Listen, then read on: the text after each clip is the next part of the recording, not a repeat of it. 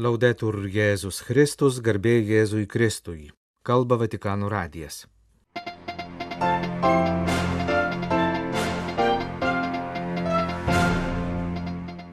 Popiežiaus bendroji audiencija.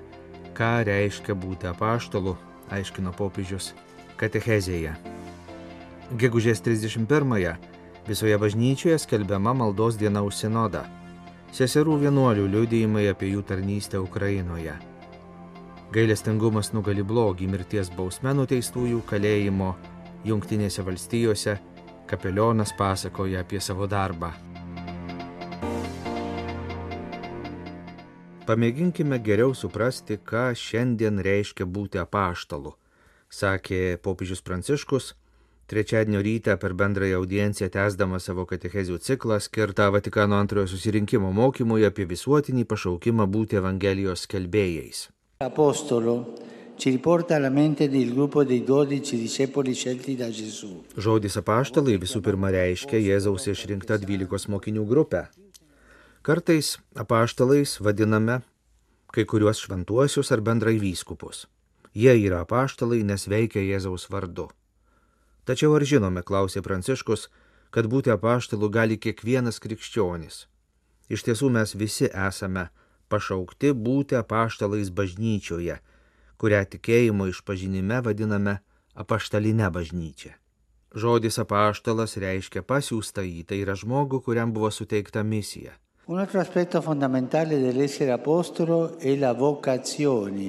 Kitas esminis buvimo apaštalo aspektas yra pašaukimas. Tai buvo nuo pat pradžių, kai viešpats Jėzus pasišaukė, kuriuos pats norėjo ir jie atėjo pas jį, kaip skaitome Evangelijoje pagal Morkų. Taip pat šventasis Paulius apie save sako. Paulius Dievo valia pašauktas Kristaus Jėzaus apaštalas. Dvylikos apaštalų patirtis bei Pauliaus liudėjimas mums ir šiandien meta iššūkį. Jie kviečia mus pasitikrinti savo nuostatas, patikrinti savo pasirinkimus, sprendimus, remiantis šiais keliais nepajudinamais dalykais. Viena, viskas priklauso nuo Dievo pašaukimo, Antra, Dievas mus renkasi net ir tokioms tarnystėms, kurios kartais atrodo viršijančios mūsų galimybės ir netitinkančios mūsų lūkesčių. Trečia, į pašaukimą gautą kaip net lyginama dovana, reikia atsakyti dosniai ir be jokių išskaičiavimų. È una chiamata che riguarda sia coloro che hanno ricevuto il sacramento dell'ordine, sia le persone consacrate, sia ciascun fedele laico. Pašaukimas pridūrė popiežius, suteikiamas ne tik tiems, kurie gauna šventimų sakramentą, ne tik pašvestiesiems asmenims, bet kiekvienam tikinčiam žmogui. Toliau trečiadienio bendrosios audiencijos katechezėje popiežius priminė, ką susirinkimas sako apie tikinčiųjų pasauliečių bendradarbiavimą su dvasininkais. Tikintieji pasauliečiai ir ganytojai turi bendradarbiauti ir kartu vykdyti bažnyčiai suteiktą Kristaus skelbimo ir liudėjimo misiją. Ši nuostata nėra tik strateginis prisitaikymas prie naujos visuomenės gyvenimo situacijos, bet pranoksta konkrečias aplinkybės ir išlaiko nekintamą vertę. Charizmų ir tarnyščių įvairovė bažnyčioje neturi reikšti skirstimo į daugiau ar mažiau privilegijuotas kategorijas. Chi ha più dignità nella Chiesa? Il vescovo, il sacerdote? No, tutti siamo cristiani al servizio degli altri. Kas bažnyčioje yra svarbesnis, kam suteikta daugiau orumo? Vyskupui, kunigui? Ne, sakė popiežius, mes visi esame krikščionys, tarnaujantys kitiems. Pranciškus pridūrė, kad reikia permastyti šiuos bažnyčios narių orumo, svarbos, lygybės klausimus, kaip ir su jais susijusius kitus aspektus turinčius lemiamos reikšmės evangelizacijai. Cari fratelli e sorelle, non temiamo di porci queste domande. Brangus broliai ir seserys, nebijokime kelti šių klausimų. Bijokime tuštybės. Bijokime tuščia garbio siekimo užimti postus. Tokie klausimai gali padėti mums ištirti, kaip išgyvename savo krikšto pašaukimą, kaip mes suvokiame savo vietą apaštališkoje bažnyčioje, kuri tarnauja kitiems.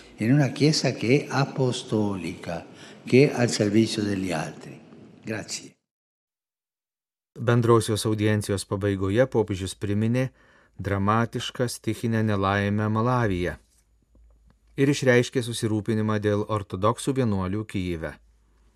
Esu artimas Malavio žmonėms, pastarosiomis dienomis nukentėjusiems nuo labai stipraus ciklono. Meldžiuosi už žuvusiosius, sužeistuosius ir namų netekusius asmenys. Tegul viešpats palaiko labiausiai nuo šios nelaimės nukentėjusias šeimas ir bendruomenės, sakė Pranciškus. Jis taip pat paminėjo Kyivo Lauros tačiatikių vienuolių atvejį. Prašau kariaujančių šalių gerbti šventas vietas, tie, kurie yra pasišventę melstis, nepriklausomai nuo konfesijos, yra parama Dievo tautai, sakė Pranciškus ir pabaigoje ragino melsti Dievo motiną, kad jį lydėtų, einant gavėnios keliu. Jai, nuliūdus jų paguodai ir taikos karalieniai, patikime ir kenčiančius Ukrainos žmonės. Vyskupų sinodo generalinis sekretoriatas kreipėsi į viso pasaulio vyskupų konferencijas ir paprašė kiekvienoje šalyje surenkti maldos dieną, rengiantis būsimai vyskupų sinodo asamblėjai, kuri vainikuos šiuo metu visoje bažnyčioje vykstantį sinodinį procesą. Maldos dieną prašoma surenkti gegužės 31-ąją, kai bažnyčia liturgijoje mini švenčiausiosios mergelės Marijos apsilankimo šventę Maldos dieną prašoma surenkti Dievo tautai brangioje vietinėje Dievo motinos šventovėje. Vyskupų prašoma savo nuožiūrą parinkti tinkamą maldos formą. Vyskupų sinodo generalinis sekretoriatas taip pat paskelbė, kad buvo sudaryta busimosios asamblėjos parengiamoji komisija ir buvo paskirti septyni jos nariai. Busimoji vyskupų sinodo asamblėja dėl sinodinės bažnyčios bendrystė dalyvavimas ir misija vyks dviem etapais šių metų spalio mėnesį ir ateinančių metų spalį. Popiežius Pranciškus paskyrė evangelizacijos dikasterijos pirmojo skyriaus, atsakingo už pirmąją evangelizaciją ir naujasias bažnyčias, sekretoriumi arkivyskupą Fortunatą Anvančiukvų, iki šiol ėjusi Šventojo sosto nuolatinio stebėtojo pareigas jungtinių tautų organizacijos padaliniuose ir tarptautinėse organizacijose Ženevoje.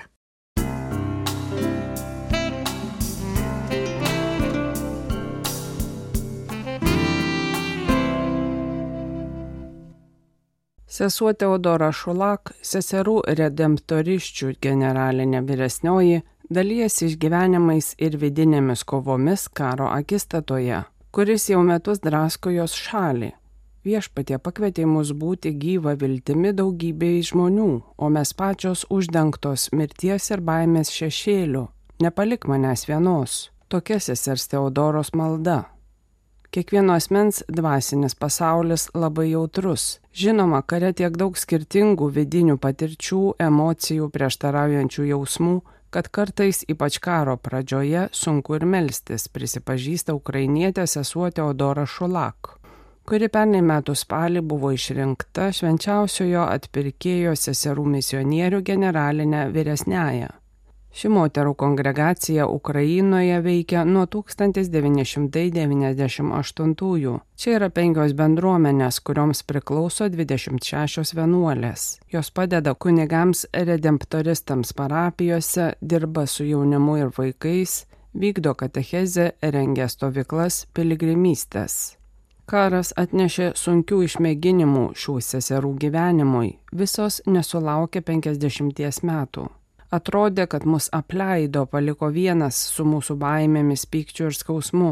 Buvo gazdinančių akimirkų, kai atrodė, kad neapykanta įsišaknys mūsų širdise. Kartais išgyvendavau tarsi susidvėjinimą. Bendruomeninės maldos metu šlovinau Dievą, o grįžusi į celę patirdavau tokius prieštaringus jausmus, kurių nesugebėjau suvaldyti. Vieną dieną suvokiau, kad šis atskirimas nėra krikščioniškas ir neturi nieko bendra su Dievu. Jėzus prisikėlė su žaizdomis, jis žino, ką reiškia nešiotis tas žaizdas ir jausti skausmą iki mirties. Suvokiau, kad tik jame ir su juo galiu išgyventi šią tragediją, sako sesuo Teodora. Ši vidinė kelionė padėjo seseriai Teodorai paukoti Dievui visus skausmingus jausmus maldoje kreipiantis su ašaromis į Dievą. Viešpatie, aš tau priklausau. Tu mūsų kūrei gyvenimui, o mus persekioja mirtis. Mūsų pakvietė tapti gyvą viltimi kitiems, o mes pačios užklotos mirties ir baimės šešėlių, meldėsi vienuolė. Šie vidiniai išgyvenimai išmokė misionierę likti tyloje po maldos ir suteikti laiko Dievui atsiliepti į jos prašymą. Lauksiu, kiek reikės, tačiau nepalik manęs vienos visame tame, ką išgyvenu, prisimena misionierė. Karas reikalauja nuolatinio įsiklausimo, susitelkimo ne tik vidiniam gyvenimui, tačiau ir silovadiniam. Sesuo Teodora nuo 2013 iki 2022 metų buvusi Ukrainos seserų redemptoriščių provincijolė pasakoja, kad po rusų invazijos vienuolės permastė savo veiklą, kaip geriau tarnauti bažnyčiai ir žmonėms. Dar kovo 10 vokiškai ar angliškai kalbančių seserų išvyko į užsienį - Vokietiją, Austriją, Airiją - padėti katalikiškoms organizacijoms, kurios suteikė prieglopsti ukrainiečių pabėgėliams. Vėliau pusmetį padėjo tautiečiams pildyti dokumentus, lankė ligonius, sužeistuosius ligoninėse, padėjo pabėgėlių vaikams vietinėse mokyklose. Kita tarnystės dalis - psichologinė pagalba karo aukoms. Nemažai seserų, turėjusių psichologinę ir psichoterapinę specializaciją, nutarė baigti tolesnius specifinius kursus, kad galėtų padėti žmonėms įveikti gedulą ir traumas. Kai kuriuose mūsų vienuolynuose priemėme pabėgėlius, tarp jų ir totorių musulmonų šeima. Kol jie glaudėsi pas mus, gimė jų vaikelis. Vėliau jie paskelbė įrašą socialinio tinklo Facebook paskyroje, kad niekada negalvojo galėsintis patirti tokį artimą ryšį tarp krikščionių ir musulmonų. Dalies išgyvenimais misionierė. Jau dešimt metų viena misionierių bendruomenė įsikūrusi Černyhive, Šiaurės Ukrainoje. Pirmaisiais karo mėnesiais seseris neturėjo galimybės tęsti savo misijos buvo priverstos palikti miestą, kuris buvo apsuptas ir bombarduojamas rusų. Kai grįžo balandį, rado viską sugriautą. Ten nuvyko ir sesuo Teodora, kuri baigusi psichoterapijos studijas. Lankėme labiausiai nukentėjusius žmonės, labiausiai suniokotose zonose. Žmonės neteko artimųjų, namų, visko. Kalbantis, išklausant, galėjome padėti jiems sumažinti depresiją, panikos priepolius. Žmonėms tikrai reikia žinoti, kad su jais yra kažkas, kas sugeba atnešti viltį ir tikėjimą, kai jiems sunku. Misionierė priduria, nepaisant to, kad pyktis gali būti natūrali reakcija į neteisingumą ir patirtas kančias, svarbu, kad jis netaptų vyraujančią emociją, kad žmonės sugebėtų pasirinkti gyvenimą net ir mažuose dalykuose. Ji pasakoja apie Černykyvę sutiktą moterį, kuri pasodino gražiausią daržą aplink savo namą, visiškai sugriauta per bombardavimus. Vienuoliams moteris sakė, kad ji susitelkė ties mažais dalykais gyvenime. Pažvelkite į šį mažą augalėlį, ką tik išdygusi iš žemės, auks ir gyvens, sakė moteris. Šis susitikimas seseriai Teodorai tapo liudijimu, ką reiškia pasirinkti gyvenimą.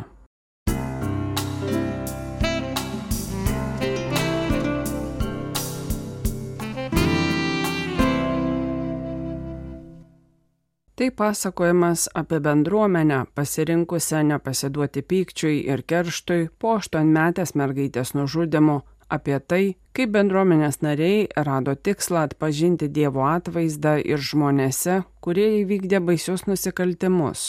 Prisimenu tą dieną, nepamiršiu akimirkos, kaip prieš 25 metus per automobilio radiją išgirdau žinias, pasakoja Deilas Rečinela, buvęs Wall Street'o finansų advokatas, pasaulietis kapelionas, Floridos nuteistųjų mirties bausme kalėjime. Floridos šiaurės rytuose esantis Jacksonville rajonas visą savaitę suvienijęs pajėgas ieškojo 8 metų mergaitės vardu Medi Clifton. Tėvai paliko ją vos keliolikai minučių be priežiūros ir ji tiesiog pradingo iš savo kiemo. Baisiausias visų mylinčių tėvų košmaras. Visa šiaurės rytų Florida ieškojo mergaitės, meldėsi, kad jie atsirastų.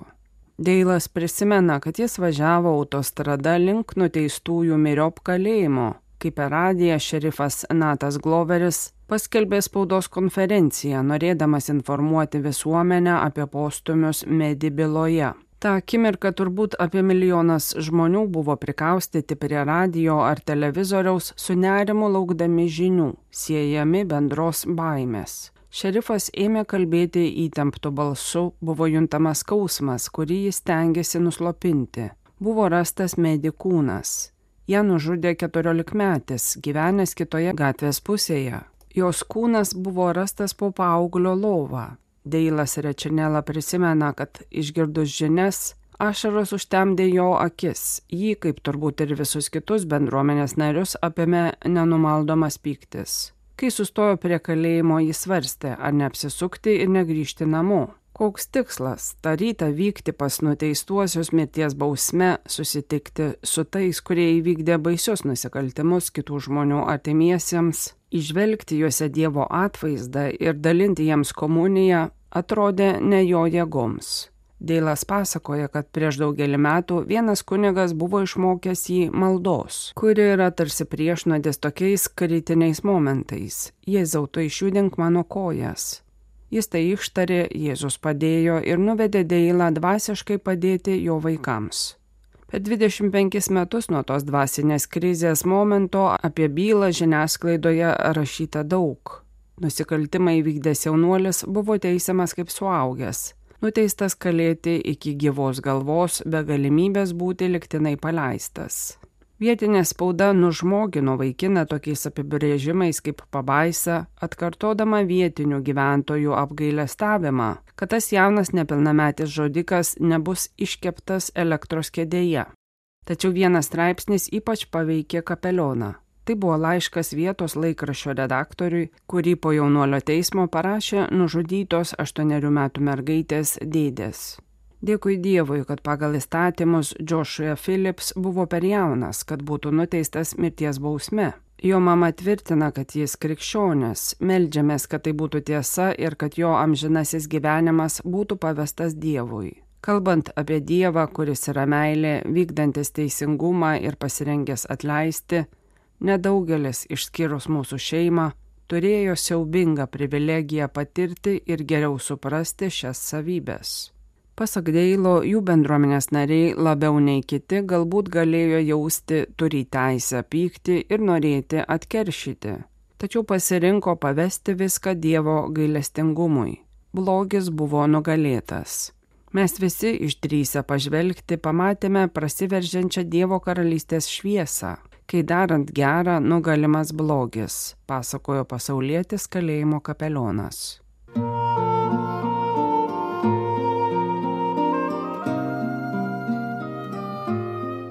Kalba Vatikano radijas. Mėlyjeji klausytojai, primename, kad Vatikano radio laidų jūs galite klausytis ne tik per Lietuvos radio kanalą Klasika ir Marijos radiją, bet ir per mūsų interneto radiją kurio galima klausytis mūsų interneto portale.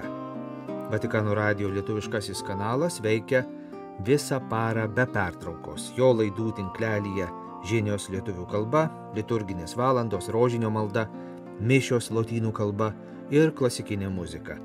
Primename mūsų interneto portalo adresą vaticannews.va lt. Jūs klausėtės Vatikano radio žinių laidos lietuvių kalba. Atsisveikiname iki rytojaus. Laudetur Jėzus Kristus.